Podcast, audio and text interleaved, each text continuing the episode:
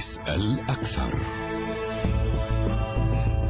أهلا بكم مشاهدينا الأعزاء. المسيرات الإيرانية عنوان لهواجس أمريكية إسرائيلية متعاظمة. فهي باتت قادرة على شن هجمات أكثر دقة وفق مسؤولين أمريكيين. كل هذا ربما يشكل بالنسبة للإيرانيين شهادة على جودة صناعتهم العسكرية ودليلا على تقدمه تقدمهم التقني المستمر. وللدلالة على أسباب الهواجس الأمريكية والإسرائيلية يكفي أن ننظر إلى استخدام هذه الأسلحة في أكثر من منطقة وضد سفن في مياه الخليج واتهامات توجه لإيران أو خلفائها بالمسؤولية عن هذه الهجمات. ويبدو من خلال تصريحات المسؤولين الإسرائيليين أن هذه الطائرات ستستخدم لتحقيق هدف إيراني بإخراج القوات الأمريكية من قاعدة التنف في سوريا. كيف ستواجه واشنطن وتل أبيب هذا السلاح الإيراني الخطير؟ وما هي خياراتهما في هذا الإطار؟ وهل وصل هذا السلاح إلى مستوى السلاح الاستراتيجي بيد إيران؟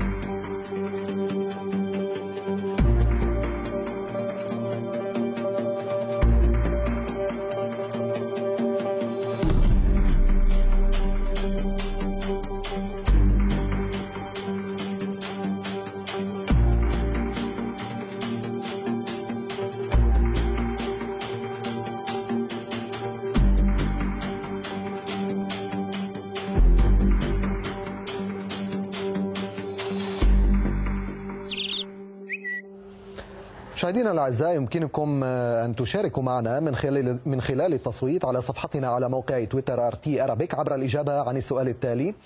برأيك هل تشكل المسيرات الإيرانية المدمرة تهديدا استراتيجيا للجيشين الإسرائيلي والأمريكي في المنطقة؟ نعم أم لا؟ أيضا يمكنكم التصويت على موقعنا على الإنترنت arabic.rt.com عبر الإجابة عن السؤال ذاته. لحوارنا الليلة معنا من عمان الخبير العسكري والاستراتيجي اللواء فايز الدويري ومن القدس المحلل السياسي إلي نيسان. أهلا بكما ضيفي الكريمين سيادة اللواء أبدأ معك وسؤالي عن سبب الخشية الأمريكية والإسرائيلية المتعاظمة من سلاح المسيرات الإيراني. يعني التقرير أجاب جزئيا على سؤالك. تم عرض عدة أنواع من الطائرات. تم بيان ميزات هذه الطائرات ماذا تحمل والمدى. عندما نتحدث عن الطائرة الإيرانية المسيرة طائرة درون أو صاروخ باليستي أو صاروخ جوال بعد مسافة 1700 كيلومتر يصبح هاجس لإسرائيل. بعد 2000 كيلومتر يصبح خطر داهم على إسرائيل. التقرير عرض عدة أنواع من الطائرات فطرس غزة 171 جميعها تتعدى 3000 كيلومتر. جميعها تحمل أسلحة موجهة جو أرض أو جو جو. آه، إيران أصبحت الدولة رقم خمسة عالميا في تصنيع الطائرات من حيث الميزات العملياتية للطائرات. تأتي بعد أمريكا روسيا الصين إسرائيل. والدولة رقم خمسة في العالم هي إيران. نقطة الضعف التاريخية في إيران سلاح الجو. فحاولت أن تستغل وتجد في طائرات الدرون ما يعوضها عن ضعف سلاح الجو التقليدي. لأنه معظم طائراتها من آه، فانتوم وإف 5 وغير ذلك. هل تعوض واستطاعت أن تقطع أشواط طويلة. هذه؟ جزء تعوض جزئيا. لا يمكن تعويض سلاح الجو الفعلي التقليدي. لا يمكن أن يعوض. لكن هذه الطائرات وبناء على السؤال الذي تم طرحه هل تشكل خطرا استراتيجيا؟ الإجابة قطعا نعم. خاصة إذا استخدمت بأعداد كبيرة ومن طرق اقتراب متعددة سواء كانت ضد إسرائيل أو ضد القطع البحرية الأمريكية أو ضد القواعد الأمريكية في المنطقة. اسمح لي نعم. سيادة اللواء. هذه الطائرات لديها ميزات. نشرك الأستاذ إيلي نيسان آه، معنا من القدس. أستاذ إيلي الطائرات المسيرة الإيرانية ما سبب الخشية الإسرائيلية والأمريكية بالتالي منها؟ هل هي بالفعل قادرة على آه، آه، تغيير ميزان القوى في المنطقة لمصلحة إيران؟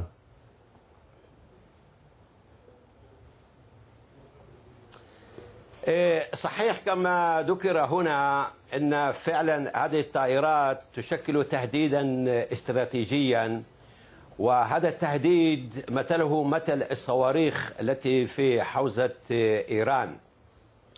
وقد استخدمت إيران هذه الطائرات المسيرة إيه، ضد المنشآت النفطية في إيه، في السعودية. آه، وكما ذكر أيضا ضد القوات الأمريكية في الشرق الأوسط.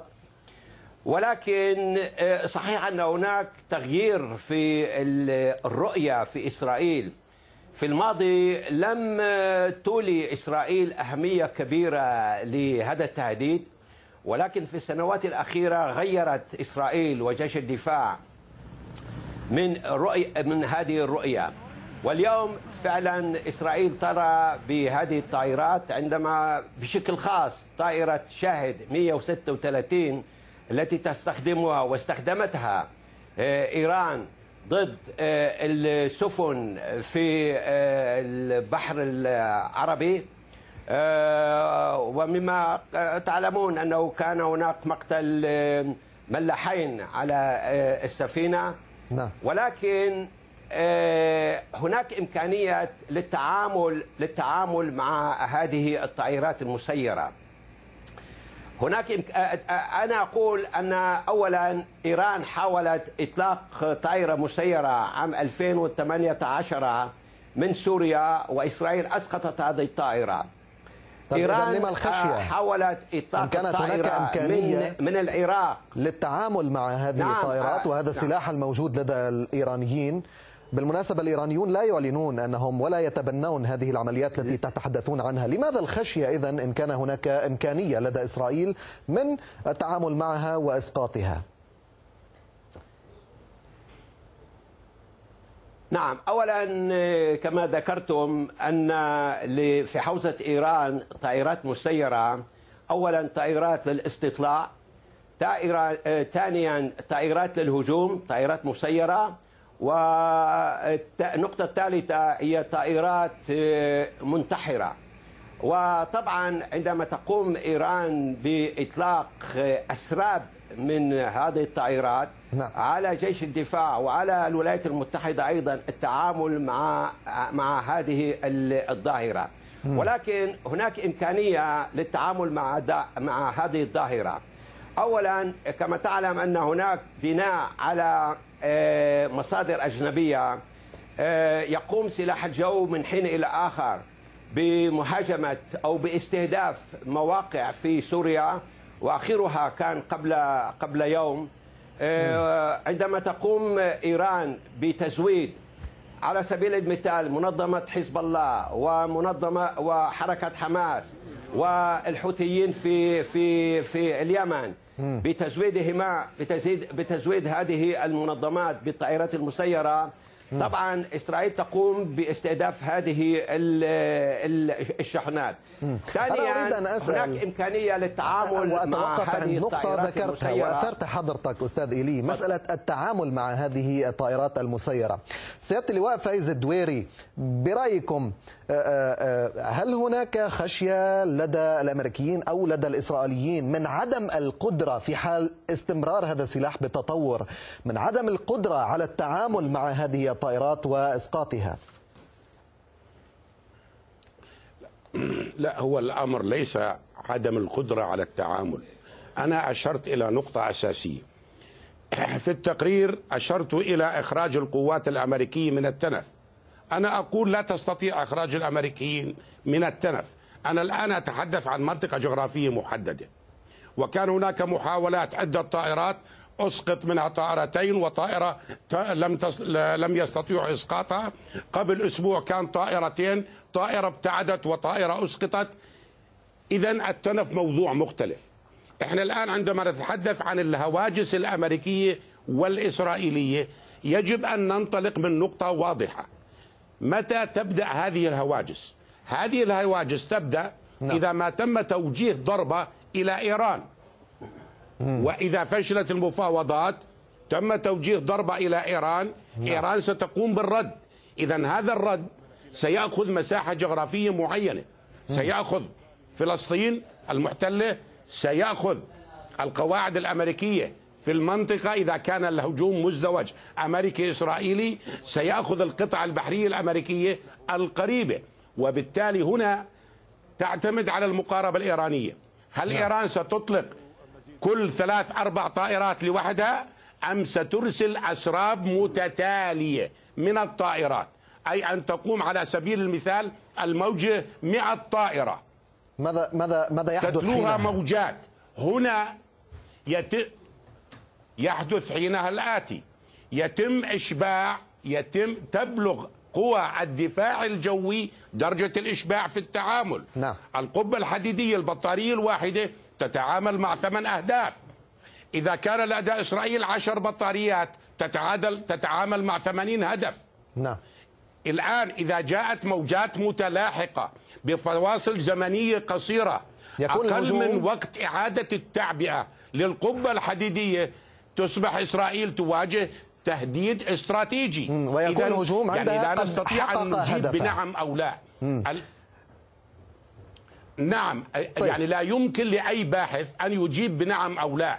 لأن هناك أمور تفرض نفسها بالحدث نفسه. نعم، أعداد الطائرات نفهم أن- زوايا الاقتراب أنواع الطائرات أن أن الميدان مختلف عن ال- عن المدارس أو عن النظريات في العسكر سيادة اللواء. لكن إن كانت إيران بتحقيق التقدم في إنتاج هذه الأسلحة وتطويرها الطائرات المسيرة. وبالتالي ستفكر إسرائيل والولايات المتحدة أكثر من مرة حينما تقرران أو قبل أن تقررا مهاجمة إيران. هذا يعني أستاذ إلي أن إيران تحقق الردع هنا وبالتالي هذه الأسلحة وهذه الطائرات سوف تمنع من مهاجمة إيران.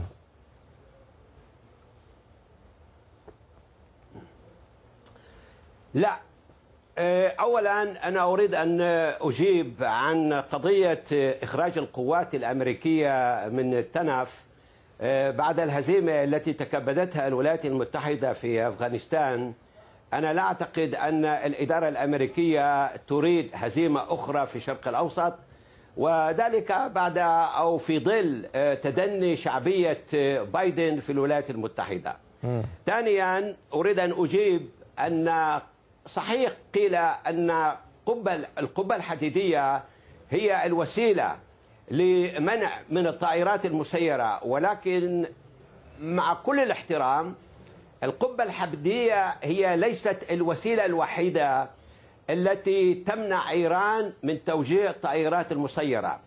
هناك إمكانيات حكيمة أخرى على سبيل المثال السايبر على سبيل المثال إش- الإشعاع الإلكترومغناطيسي الذي يقوم بتشويش مسار الطائرات.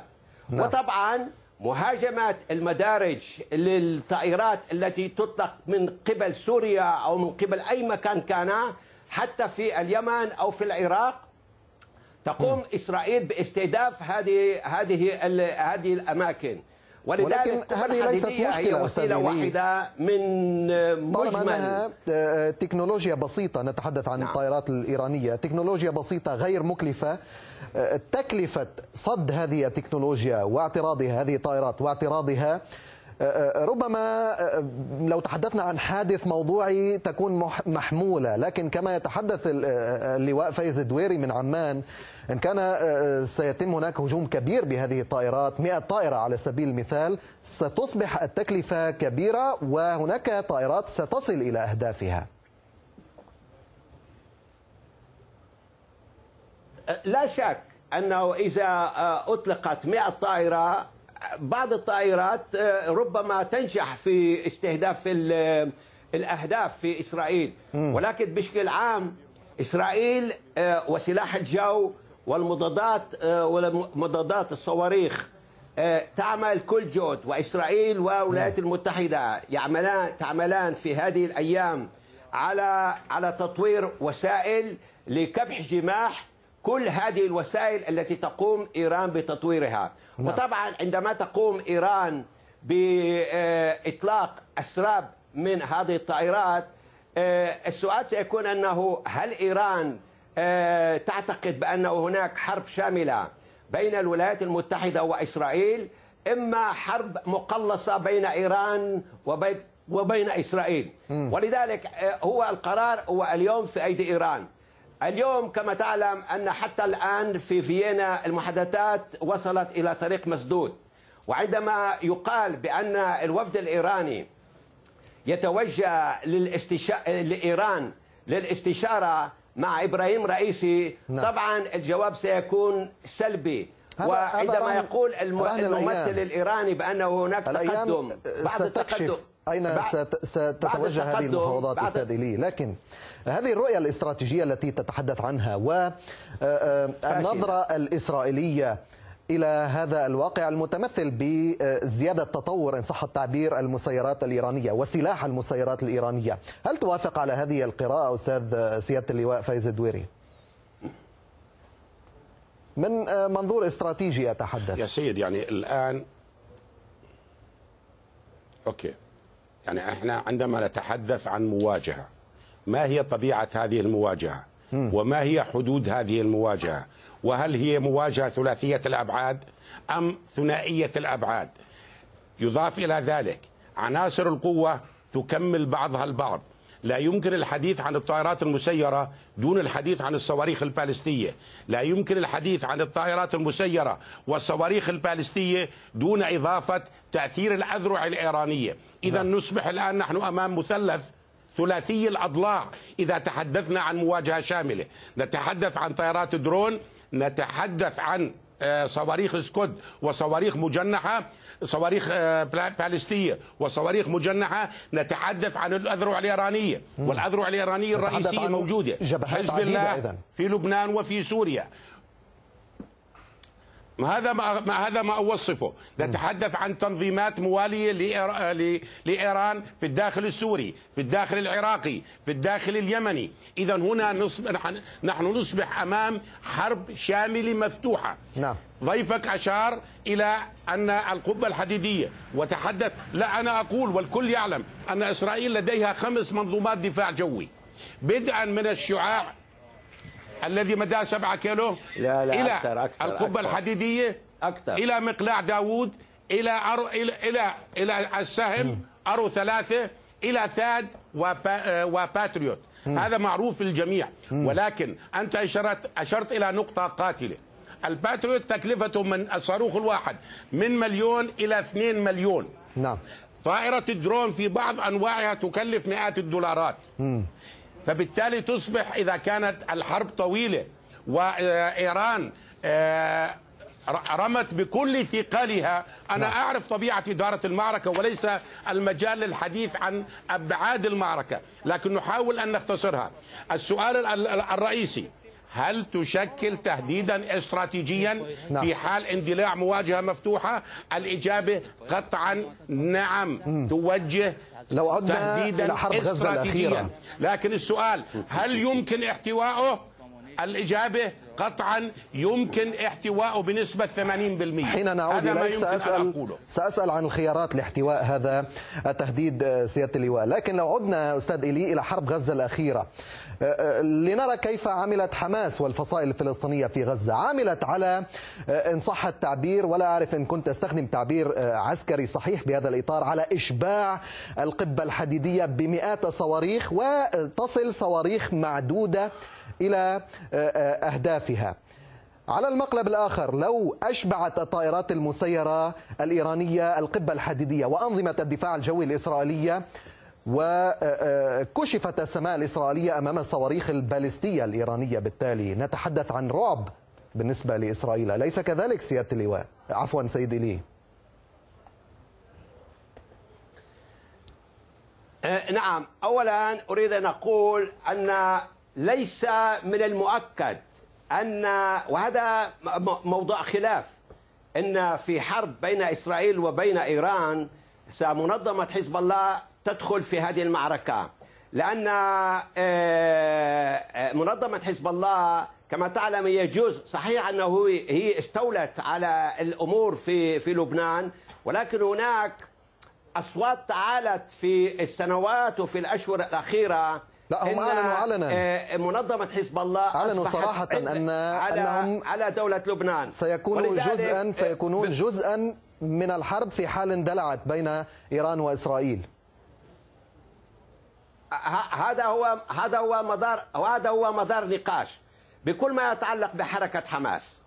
حركة حماس في المعركة الأخيرة التي كانت في شهر أيار حاولت آه، تجربة آه، القبة الحديدية وهي أطلقت عدة صواريخ والقبة الحديدية أفلحت في إسقاط هذه الصواريخ نعم. ولذلك آه، اليوم حركة حماس بواسطة أو بتوجيهات من إيران تحاول تطوير هذه ال- الصواريخ أو أو حتى الطائرات المسيرة التي حاولت حركة حماس إطلاقها آه، من غزة إلى إسرائيل. وكل هذه الطائرات المسيرة تم إسقاطها. ليس نعم. فقط في في الجو وإنما كل المحاولات التي قامت حركة حماس عبر البحر تم تم إفشال هذه المح- المحاولات. ولذلك حركة حماس. عندما. آه، آه، تعطى لا تقاس على إيران حركة من قبل حماس. إيران قطاع لحركه غزة حماس محاصر بتوجيه- محدودة. إسرائيل تراقب من نعم، الجو والبر حركة والبحر. حماس والجهاد الإسلامي. حركة حماس والجهاد الإسلامي. حركة حماس بتوجيه بت- حركة حماس ليس فقط حركة حماس وإنما جهاد الإسلامي بتوجيه من إيران. أما السؤال هو هل حركة حماس في نهاية الأمر تريد تدمير قطاع غزة تماما ولا لا؟ إذا حركة حماس تريد آه، الاهتمام بالسكان في قطاع غزة لا تسمع لكلمة إيران لأن حركة حماس تصبح أداة بأيدي المصالح الإيرانية ولا تخدم المصالح الفلسطينية في قطاع غزة. هي ولذلك حرب يعني والتجربة- حركة حماس تجربة تريد أيار الحرب مع الأخيرة. إسرائيل. ولكن هي تعرف وهي تعرف ما هي ستكون النتائج. أثبتت الصعوبات التي تواجهها نعم. إسرائيل. آه، في مواجهة سلاح الصواريخ والطائرات المسيرة.